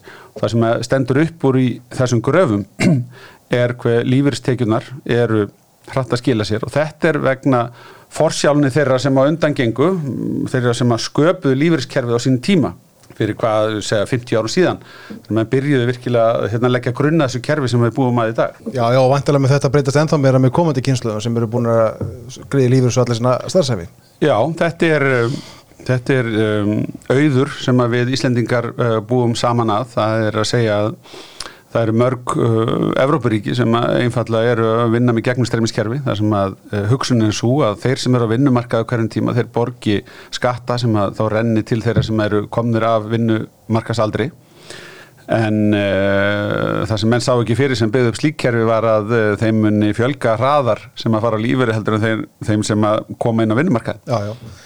Og þetta er að verða bara alveg risavaksið vandamál. Þetta er það sem að verkföllin í Fraklandi í vetur snýrast meðal annars um. Mm -hmm. Þegar það er verið að reyna að hækka lífyrstökualdurinn. Verður þess að menn hafa einfall ekki efna á því. Já, já. Að leggja svo mikið á vinnandi fólk að það standi undir því sem er búið að lofa lífyrstökunum. Það er það sem er að gerast í Fraklandi. Sko gaggrinni á, á herri, herri ríkisútgjöld, þau er náttúrulega komað frá herri. Finnst þú, ég heyra því að? Nei, ég, sko, í, í, í, hérna, í prinsipinu, sko, hef ég hérna verið að tala fyrir því að við draugum úr ríkis umsöfum mm -hmm. með því að láta ríkið ekki að vera vasast í hlutum þar sem hefur ekki uh, hlutverki að gegna, mm -hmm. sérstöku. Mm -hmm. Heldur uh, væri uh, skinsanleira eftirláta enga framtækinu og byggja á sankefni og um, þetta tel ég að eigi við á bankamarkaði uh, og mörgum öðrum mörguðum á Íslandi, ég var að tala hérna áfram um, áðan um póstinn, uh, ég hef verið að tala hérna um heilbriðskerfi þar sem ég tel að enga framtækið sé að skila gríðalega mikilvægi framlægi Ég meina, ef við að tala um sjúkarþjálfara, ef við að tala um tannlækna, ef við að tala um alla sérfræðilæknana, heilsugæslulækna sem eru að standa sig gríðilega vel, aðra sérfræðilækna. Um, við erum með um, sjálfsegnastofnanir sem eru utan ríkisreksturinn í sjálfu sér sem eru að hlúa að uh, eldriborgurum en á hjúkurunaheimilum. Þetta er bara ganga víða frábælega vel. Við erum með S.A.A. og alveg fjöldan allan af alls konar uh, sjálfbóðaliðastarfi eða góðgerðarsamtökum sem eru með sértegjur og stuðning víða aður samfélaginu og ég er mitt bjóð til skattareglur til þess að standa með þessu fólki þar sem við Já, já. hjálpum bæði einstaklingum og fyrirtækjum að fá uh, skattaafslátt og hvetjum fólk til að standa með almannaheillafélögum í landinu. En sem sagt ég verð að tala hérna fyrir því að, að við draugum úr ríkis umsöfum og síðan þar sem að ríkið er að beita sér að þá uh, sko segi ég að uh, okkar hlutverk er að uh, vera með hvetjandi hagkerfi sem að hvetur fólk áfram þannig að það fari og skapi mikil verðmæti það mun skila sér til ríkisvaldsins í gegnum skatta og við ætlum að nota þá skatta til að standa vel með þeim sem að þurfa á því halda. Við ætlum að tryggja hérna jaft aðgengi að námi þannig að allir er í jöfn tækifæri út í lífið. Við ætlum að vera hérna með öfluga opera heilbristþjónustu eða opera heilbristryggingu uh, þar sem við gerum ekki allan mun á því hver veitir þjónustuna, heldur við viljum bara að sé farið vel með og aðgengi sér greitt og jaft helst uh, fyrir alla landsmenn sem víðast, eins langt eins og hægt er að gera í þeim efnum. Um, uh, og við ætlum að byggja hérna um samgöngukerfi og svo framvegis. Og ég er bara að benda á að það er, það er alltaf mikil einföldun að segja að þegar að hagkerfi vex og það verður, verða til ný verðmæti uh, við erum að skapa verðmæti eins og tíu bestu þjóðir í heimi gera per mann. Við höfum verið að mælast eitthvað staðar svona fyrir eftir hvort þú ert með þetta kaupmáttaleðrætt eða ekki en við erum svona eitthvað staðar bilnu 8, 6, 8 stundum kannski 10 í samanbyrðið millir þjóða. Þegar spurt er hversu mikið verðmæti eru sköpið við komandi landi per einstakling sem þar býr ef við sköpum svona mikil verðmæti þá hefur við að gera kröfu til þess að helbriðskerfið og aðrir hlutir virki á Íslandi eins og það gerist best annars þær í heiminum. Og uh, ef við meinum eitthvað með þessu þá eigum við ekki að sjá á eftir fjármunni sem fara í um, lækningar eða úrvalssamgöngur. Betri ferjur, núna síðast keftu við hérna Herjólf og það þarf núna nýja ferju uh, fyrir breyðafjörðin og svo framvegs sko, við erum bara að vera stolt af því jafnvel þótt að þetta séu ofnbær útgjöld vegna að við erum að styrkja samfélagið okkar. Það verður betra að búa þegar það eru tvær akreinar báða leiðir alla leið til keflavíkur. En skýrist pyrringurinn ekki frekar að því að ríkistarfsmennum er að fjölga, það eru mikil afskipti frá stopnunum, stytting vinnuvíkunar og eitt, sko, og það, það, er- er einhvern veginn orðið betra vinnu fyrir ríkið heldur en engaðala þetta skapar pyrring í hægrinu, skulum við bara Já, segja. Já, já, og þetta eru, þetta eru þú sem ég, hef- já, já, ég hef, og þarna erum við semst, þá farin að tala um það hvaða útgjöld erum við að tala um. Og ég er sammála því, ég, ég er sammála því að hérna, ríkið á alls ekki að vera leiðandi á launamarkaði, bara alls ekki Uh, og sérstaklega er það pyrrandi þegar við sjáum að ríki er víða fyrirferðað mikið þar sem að við gætum raun og veru bara bóðið út við komandi þjónustu. Um, þannig ég, ég bara tek undir það og um, uh, en, en fjölgunin á ríkistarfsmönnum ef við skoðum hvar hefur það helst verið það hefur helst verið í helbrískerfinu og þar hefur verið viðvarandi mannekla og það setur gríðarlega mikið álag og þrýsting á allt helbrískerfið og við þurfum að, aðeins að fara að sættast við það að það mun áfram þurfa fólk í, íslenska helbrískerfið En ef við ætlum ekki bara að drukna í þörfinni fyrir e, fleira fólk endalaust, þá þurfum við að fara að innlega tæknilausnir. Það er meðal annars um það sem að e, e, skýsla McKinsey e, fjallar, sem að koma út fyrir nokkrum árum. Það eru möguleikarnir í fjarlækningum, möguleikarnir í því að greina betur, Uh, jafnvel að nota hugbúna sem við getum verið með í, í snjall okkar eða í hugbúna í símanum okkar sem að geta gert viðvart um hluti sem að þarf að kanna. Og almennt reyndar fyrst ég nú komin á þessa breyt þá held ég að það sé algjör syndas uh, hvað við erum uh, lítið að gera í líðhelsu og forvörnum. Við erum kannski því miður alltaf mikið ennþá í, í því að, að um, breyðast við og, hérna, og, og þegar vandin er orðin hérna, allt og mikill og það er kostnæðsamt fyrir einstaklingin og miklu kostnæðsamara fyrir samfélagið.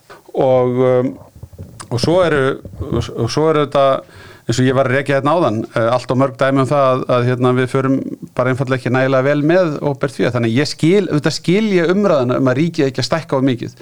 Og, hérna, og það, það, er, það er alveg rétt semst að, að uh, þetta er, það er sérstaklega uh, óþólandi þegar að uh, ríkið þarf að taka lán fyrir hlutum sem það er að gera illa.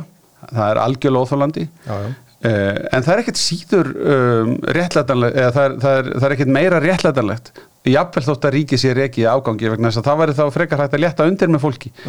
Um, en í þessu sambandi þá sagt, er ég þeirra skoðunar eftir að hafa verið áratug í ráðuneytinu að við verðum að stefna því að vera með uh, mjög lág skuldahlutföll og eiga að hafa borð fyrir báru þegar að hérna, eitthvað brestur á. Og ég hef áður talað fyrir og við höfum talað um að, að, að hérna, það sem eina af ráðstöðunum sem við viljum grípa til núna að koma með frumarfum þjóðarsjóð sem að væri þá hægt að grípa til ef það verða meiri áttar áföll og hérna er, hérna er svona kannski nýlega komin ein viðbóta rauk fyrir hérna, slíkum sjóði Var ekki bara næra að lekka skatta?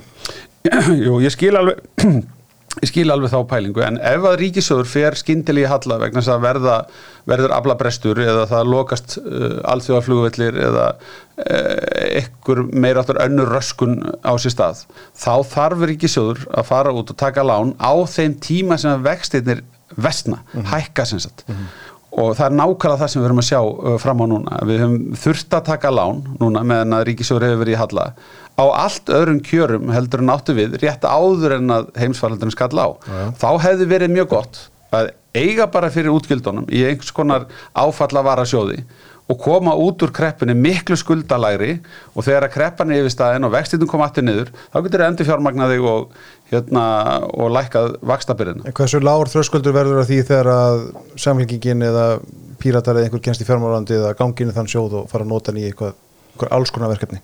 Já, það þarf að hugsa fyrir því að hérna, hún er sér ekki spreðað í eitthvað slík mál, það er alveg hár rétt hjá þér og hérna, ég, ég skil það svo sem alveg en, en þú getur sagt það sama með alla hluti eins og skatta og allt uh, og við sjáum reyndar skína í það nú þegar að, að hérna að uh, samfélkingin talar fyrir auknum uh, ríkisútgjöldum á, á grundvelli þess að skattar verði hækkaðir. Mm -hmm. Sko, þú hefur, ég veit að þessi spurning pyrraði pínu en ég ætla samt að spyrja sko, þú hefur verið gaggrindur og þetta kom til dæmis upp í aðdraðanda formaskjöfs í sjástarflótum í síðasta haust. Þú ber tvo hatta, formaði sjástarflótsins sem tala fyrir lágum skottum að minni ríkisútgjöldum og síðan fjármáraðarann Bjarni. Mm -hmm. Sko, er erfitt að bera þess að tvo hatta, fara þær alltaf saman? Þú hefur verið gaggrindur fyrir að bera fjármára ráðara hattin óoft. Já, ég, ég skal ekki segja, ég hérna, er, er uh, ábyrgur fyrir þessu stjórnarsamstarfi og ég tala ekki gegn þessu stjórnarsamstarfi þó ég sé uh, að gera málamillanir uh, yðurlega, þá, þá, þá tek ég það á mig sem mitt hlutverk að tala fyrir þeim sem pólitískri niðurstöð sem meir hlut er fyrir á þinginu og á móti erum við að fá framgang í önnur mál sem okkur þykja að vera mikilvæg. Mm -hmm. Uh, ég hef líka verið formar... Ég, er nú líka að hugsa um hlutur sem gælgir húsfélagsin sko. Já, já, já. Ég, hérna, ég hef verið ánæður með sko ferilskrána í ráðuneytinu þegar kemur að skatta breytingum af hennu ímsu hérna, af ímsu tægi sko. Um, mér fannst kerfisbreytingin þegar við tókum niður vörugjöldin og lækkum tollana að vera gríðalega stór og hún hafði áhrif á þúsundir af vöruflokkum og jafnaði sankjörnstöðu íslenskra verslunar við það sem að gerist uh, í nákvæmlandum og var hérna, því leitinu til uh, mjög mikilvæg við lækkuðum efra að verðisöka skattstrepinu í 24 þegar við breytum neðra þreppinu á sama tíma og ég held að það hefði verið mjög góð ástöðun við höfum gert margar breytingar á tekið skattskerfinu og þó ég hafi hérna, verið skýr með það á sín tíma ég, væri, ég er hliðhóllari tveggja þrepa kerfi heldur en þryggja þrepa mm -hmm. en á endan þá teiknar þetta sig upp í eitthvað skattbyrði línu eftir tekjum og það er, það er, það er ekki stórkostlegu munur á þessu tvennu nema það er svona aðeins minna gagsægi og við höfum reyndið að vinna gegn því með því að auka upplýsingagjöf til fólks á álækningaselunum og við, ég held við getum gert miklu meira þar. Við ættum að ganga miklu lengra í að hérna, láta fólk hafa upplýsingar sem að kerfið hefur um það skilur að hérna, bara sí, draga þau fyrir fólki hvernig skattpróstan og framfæslan og allt hefur verið að þróast yfir tíma á þess að, á þess að það séu upplýsingar sem að kerfið ætlar eitthvað að geima fyrir sig. Já. bara deila þessu með fólki sem að ef það vil fá þessar upplýsingar. Ekkert um að varpa ég nú fram þeirri hugmynd hvort það ætti ekki að borga fólki brútt á laun og láta það sjálf borga skattan sín útsvar. Já, hætta með stakrisluna Já, já, það er En það er önnur umræða, við ætlum Já, ekki að fara í það er hana. önnur umræða. En sko, við höfum farið í, í hérna, skattkerfisbreytingar sem ég var að nefna áðan fyrir hérna, sprótafyrirtæki, nýsköpunarfyrirtæki. Við fórum inn í þetta með almennings al, almanna heillafélögin við höfum hækkað frítekjumarkið bæði í erðfjórskattinum upp í hérna, 5 miljónir og í fjármastekjuskattinum þannig að lang flestir eru ekki að greiða fjármastekjuskatt uh, ef við horfum á þetta út frá fjölda Íslendinga. Uh, fórum upp í 300.000 krónu frítekjumark þar sem við síðan tengdum við ákveðna vístölu og uh, við vorum að taka hluti eins og sölu á sumarhúsnaði fyrir eldri borgara sem er ekkit sértengt þeim en þeir eru dæmigerri fyrir það að vera að selja sumarhúsið sitt og tóku það úr, úr hérna ske- skerðingakerfunum og lækkum uh, prósentuna með því að fara yfir í fjármastekjurnar og sama gerðum við með hérna, hugverkaréttindin í, í, fyrir, hérna, fyrir tónsmiði sko við höfum gert alveg gríðalega margar jákvæðar breytingar á, á kerfunum til þess að lækka skatta á fólk. Hefði ég viljað gera meira? Já, já, ég hefði viljað gera meira. Ég held við höfum líka geta séð uh, meiri ávinning til ríkisins ef við höfum farið aðra leiðir hér og hvar eins og ég hef verið að ræða hér.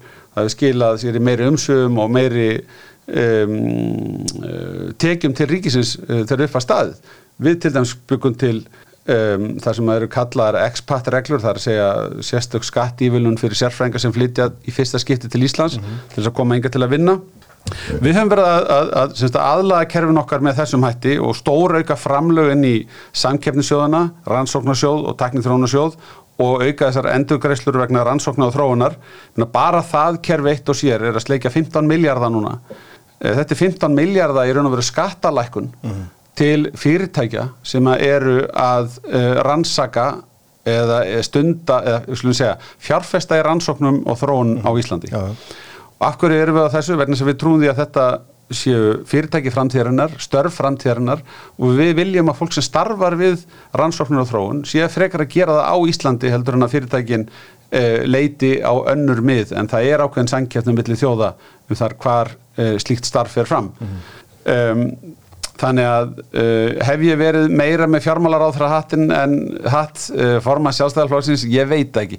Sko, það er ekki mitt að dæma. Ef, ef, ef það er þín upplifun að það hefur verið þannig, þá kann það vera. Nei, ég segi bara En, en, en, en, en ég Þú segi þú- bara... þú- þú voru heyrst þetta áður sko Já, já, en ég segi líka bara, sko, ríkisfjármálin hafa þróast með ótrúlega í ákvæðum hætti uh, síðastliðin áratug úr því að vera, við, við, við vorum með hér uh, skuldavanda og hvert lánuð eftir öðru á allt og háum vöxtum og við vorum först í fjármaksöftum og við, við tókum fjármaksöftin af með stöðleika skatt, skattinum eða frumvarpinum stöðleika skattin og lögunum sem að opnuðu fyrir stöðleika framlögin og uh, fengum til ríkisins uh, í kringum 500 miljardar að staðið og mér sé rúmlega það og uh, nú er verið, Lindakólsmálið er svona ángi af, af því og mér finnst það er svona, það er dæmumál þar sem að menn hafa tekið aðalatrið og snúðum á kvolf mál sem að snýrist um ólíka hugmyndafræðum það hvernig við myndum losna út úr höftónum uh, þeir voru til sem að töldu það aldrei geta gesta á þess að fara í Evropasambandið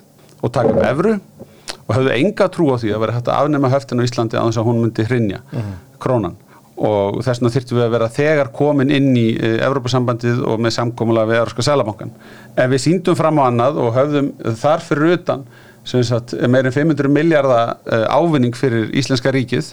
Og svo sjóða menn uh, þetta st- risastóra mál sem var pólitist ágrinnismál uh, niður í söluna á einstöku fyrirtæki inn í, í Lindarkól og heyrðu, það er hérna salan og klakka sem að hérna klúðraðist og þá segi ég, er menn, hérna, það getur vel verið að það megi skoða það, ríkisendur skoðandi tóka reynda til aðtugunar og skilaði skýslu um að það væri ekkert sérstaklega aðtugavert við það tiltekna mál.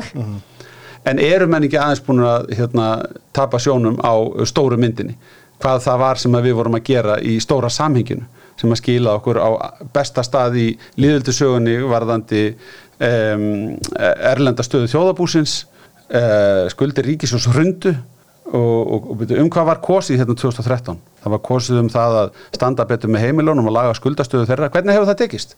Bara frábærlega. Já, já. Það verður ekki að ykkur tekið. Sko bara rétt aðeins varandi skattana. Ég, ég- myndist á þetta því að sko og hefur verið að horfa þetta út frá í, svona gegnum hægri klerugun sko. við erum of, of ofta að verja það að okkur við hækkum ekki fermastíkjaskatt í staðin fyrir að tala um lækkun fermastíkjaskatt okkur er fermastíkjaskatt ekki bara 10% eins og það var fyrir hrun svo, svo tekið sér dæmi sko. Af, af hverju erum við að verja það, hverju við ætlum ekki að hækka veðigjöld í staðin fyrir að lækka þau eða aðra fyrirtíkjaskatta eða hvað sem það er veist, það er kannski þessi umræða sem að jú, jú. Veist, hæg, hægrið kallar eftir já, já. um skattamál Já, sko ég um, ég um, held að það sé mjög, sko, mín reynslega er svo að það getur verið mjög flókið að gera svona tæran samanbyrð á fjármstíku skatti millir landa, það þarf að taka tillit til allra, frá, dæmi, sko. já, allra frádráttaliða og annað þess þar, en hafandi sagt það, þá held ég að fjármstíku skatturinn á Íslandi sé um, hann er uh, samkefnisfær við það sem að gerist allavega á Norrlöndunum uh, getur við lækkað en já, ég held við ættum þá líka að lækka tekjuskattana. Uh -huh. og hvað, uh, um hvað var ég að tala á síðasta landsfundi okkar sjálfstæðismanna, ég var að tala um það að við ættum að nota þessi ár núna til þess að sapna kröftum, loka fjárlægagatinu uh, leifa hægkeruna áfram að vaksta, halda aftur af útgjaldavexti þar sem það er hægt og uh, gera betur í meðferð ópers fjár þannig að við getum á næsta kjörtíðanbili farið í myndalega skattalækanir og það sem að mér finnst kannski helst vera þörf á því. Það, maður tekur eftir þessari hörðu kjara baráttu á Íslandi og þessum mikla slag sem að verkefælisfélugin er í við aturreikandur og um, minna Sko ég held að sé bara svona kannski fyrst og fremst millitekju fólkið á Íslandi sem við erum að vera að horfa til. Uh mhm. -huh. Fólk sem er um, með börn á framfæri, fólk sem er um, með væntingar um að komast úr íbúðinu sem það flutti í sem fyrstu fjárfestingu og komast í næsta húsnæði og fólk sem hefur ávíkjör af því að hérna, taka lán til þess að gera það vegna þess að það veit ekki hvert vakstastíði verður og svo framvegs. Uh mhm. Eh, við höfum að tala til þessara hópa og segja um að við ætlum að standa með þeim, við ætlum að halda þannig utanum ríkisjármálinn að það verði, uh, að þau muni stiðja við stöðuleika. Við getum auðvitað ekki varið Ísland fyrir alþjóðlegum áhrifum af stríði átökum, Menna, það hefur verið verðbólkum alla álfuna sko og hækkandi vextir. En með þeim áherslum sem við höfum talað fyrir þá höfum við skilað árangur og við getum gert það áfram. Og það er þarna, það eru jáðarskattanir þegar fólk dettur út úr bótakerfum við það að hækka á launum og er að fara í næsta skattrepp og síðan hérna, í aukna skattbyrði eftir því sem að fer herra um, þarna finnst mér að við ættum að vera að beita okkur. Og, og svo getum við skoðað sömu leiðis um, ímsa gjaldtöku og svona reglubyrði sem að lítil og meðalstór fyrirtæki tala gætnan um við okkur mhm. -huh. að við höfum byggt of uh, svifasengt uh, stjórnkerfi uh, og, og um, það sé of íþingjandi að vera í samskipt við ombera. Ég hef lagt áherslu á stafrænu samskiptin og við höfum fjárfæst gríðala þar og ég veit að við höfum náð miklum árangri og létt undir með fólki og fyrirtækjum en ég held við getum gert uh, miklu meira þannig að sé fólk finni að það er staði með því að það er tilbúið að láta til sín taka og, og að hérna, fólk fái viðspilnu í íslensku samfélagi þegar það vil hrinda hlutum í framkvæmt. Kanski rétt í lókin, áttar þín kynnslóð stjórnmálumann segja á því hversu hættuleg verðblóka getur verið? Er að segja, fóldur okkar þekki verðblókana og hvað, hvaða skada hún allir hér á hagkjörinu áður fyrr nú er náttúrulega mikil verðbólka við þingi kemur saman í haust. Hvernig verður þetta þing og veist hverja verða þessa áskorunir? Ég vona það að, að menn gerir sér grein fyrir því. Ég, ég held að hérna að við hefum ekki kynst þessari verðbólku svo lengi sko þess að spyrja Já, einmitt. Sko ég, ég held að sé erfitt að gera um, samanburð á verðbólkunum sem við erum fast við núna og þeim kerfislega vanda sem við vorum að eiga við á sín tíma En það er, samt, það er samt þannig að við erum með skamtíma uh, samninga á vinnumarkaði og, og það er stór hætt á því að, að ef menn ætla sér að, um, að taka meira út ítrekkað en einstæðir fyrir að um, verðbólgan verði viðvarandi vandamál. Þess vegna skiptir svo miklu máli að menn uh, snúi bjökum saman og takit sameinlega á við þessa stöðu. Um, ég held að uh, það sem að stjórnmálamenn að minni kynslu og aðrir á þinginu finna fyrir er það þegar að greiðslubyrði heimilana vex vegna hækkandi vaksta. Það skila sér beint í skilabóðum til okkar stjórnmálamann. Það er bara alveg útgjöld. Það er bara alveg útgjöld. En, en, en, en það sem og mun það ekki svolítið gerast í vetur og kannski næsta ári þegar að það var margir sem endur fjármögnu 2021 Jú, það er ákveðin hópur, það er ákveðin hópur og, og hann á að, og það er mikilvægt að hann skilji hvaða úrræði hann hefur uh, til dæmis varandi skilmálabreitingar og, og annað þess að og auðvitað viljum við að fjármálafyrirtækin séu fyrsti viðmælandi uh, þeir sem að hérna, hafa veitt lánin þeir eiga að, að opna leiðir fyrir viðkom til að komast í gegnum slíka, slíka hérna, endurskóna vöxtunum En við skulum ekki gleyma því í þessu sambandi að eh, vextir hafa verið sko, sko raunvextir hafa verið neikvæðir hérna. Það er eh, Já, sko, hérna, ekki tætt að gleyma því sko. þannig að þannig að jafnvel þessir vextir sem að fólk hefur verið ósátt við að greiða hafa verið eh, lægri heldur en eh, verðbólgan. Mhm. Eh, Það er auðvitað eitthvað allt, allt annað heldur en áttu við á, á, á, á hérna á, á, á, á sín tíma þegar að, þegar að hérna, verðbólga fór kannski, já, reyndar þegar verðbólgan fór hæsta þá voru auðvitað bara sett þak á vextina þannig að það bara, það var gott að skulda. En, en semst, uh, þetta er allt annað heldur en hefur átt við þar sem hefur þurft að hækka vexti þannig að það séu sko alvöru hérna, raunvextir uh, sem að býta og, og hérna, slá niður eitthvað krafti sko lífskjörin. Það, er, það er að gerast víða í Evrópu og, uh, og er að valda þar hérna, þetta, mörgum heimilum uh, miklum búsifum sko, getur bara. þetta gerst hér í haust Þetta er staða sem getur komið upp og, og sumir sem að tala um peningamálin eh, velta því hvort að við getum náð tökum á þessu þess að raunvestir verði jákvæðir. Það er alveg ekki þetta hérna, horfa fram hjá því. Eh, en eh, þú spurðir hvort að kynsluðin skildi skadaða verðbólguna. Ég held það nú sko, ég held að gera sér allir grein fyrir því og, og við, við finnum mjög fyrir því þegar að þegar heimilin ræða við okkur um hérna, greiðslubyrina en eh, ég hef viljað byggja þessu umræðu á sko raungögnum og gögnin hafa sínt okkur að þetta er ekki ja, almennt stort vandamál eins og stundum er látið vera í eh, umræðinni sko. það er það, það sína vanskila tölunar og það sína líka tölur sem bera saman sko uh, launahækkanir og þróun leiguvers til dæmis og launahækkanir og uh, þróun á afborgunum lána og þegar þú tekur með inn í myndina möguleikan á að fara yfir í verðtrykt og slánaðu greiðslubyrði og annað þess að þar sko við verðum að tala um þetta á grundvelli raungagna. Ég segi bara í augnablíkjunni er aðalatriðið að fá verðbólgu væntingarna niður. Ég hef trú á því að uh, við munum uh, ná góðum árangri að hérna, draga enn frekar úr hallarekstri ríkisins og að vextirnir haldi áfram að býta sem að vondi samhliða ábyrgum kjærasamningum mun bara koma hlutunum aftur í gott jafnvægi. Akkurat Björn að þið fara að hleypa út í góða verið Væri það ekki Hva, sangjant? Hvað er framöndan? Nú, eins og ég segi sko, við erum nú að reyna bara að njóta sumansins fjölskyldan. Ég næst hlakkaði til að taka móti dóttur minni sem hefur verið mánuð í útlandum í sumarbúðum fyrir stelpur. Það verið gaman að hitta hann eftir. Já Bjarni Björnsson, takk fyrir komuna Takk.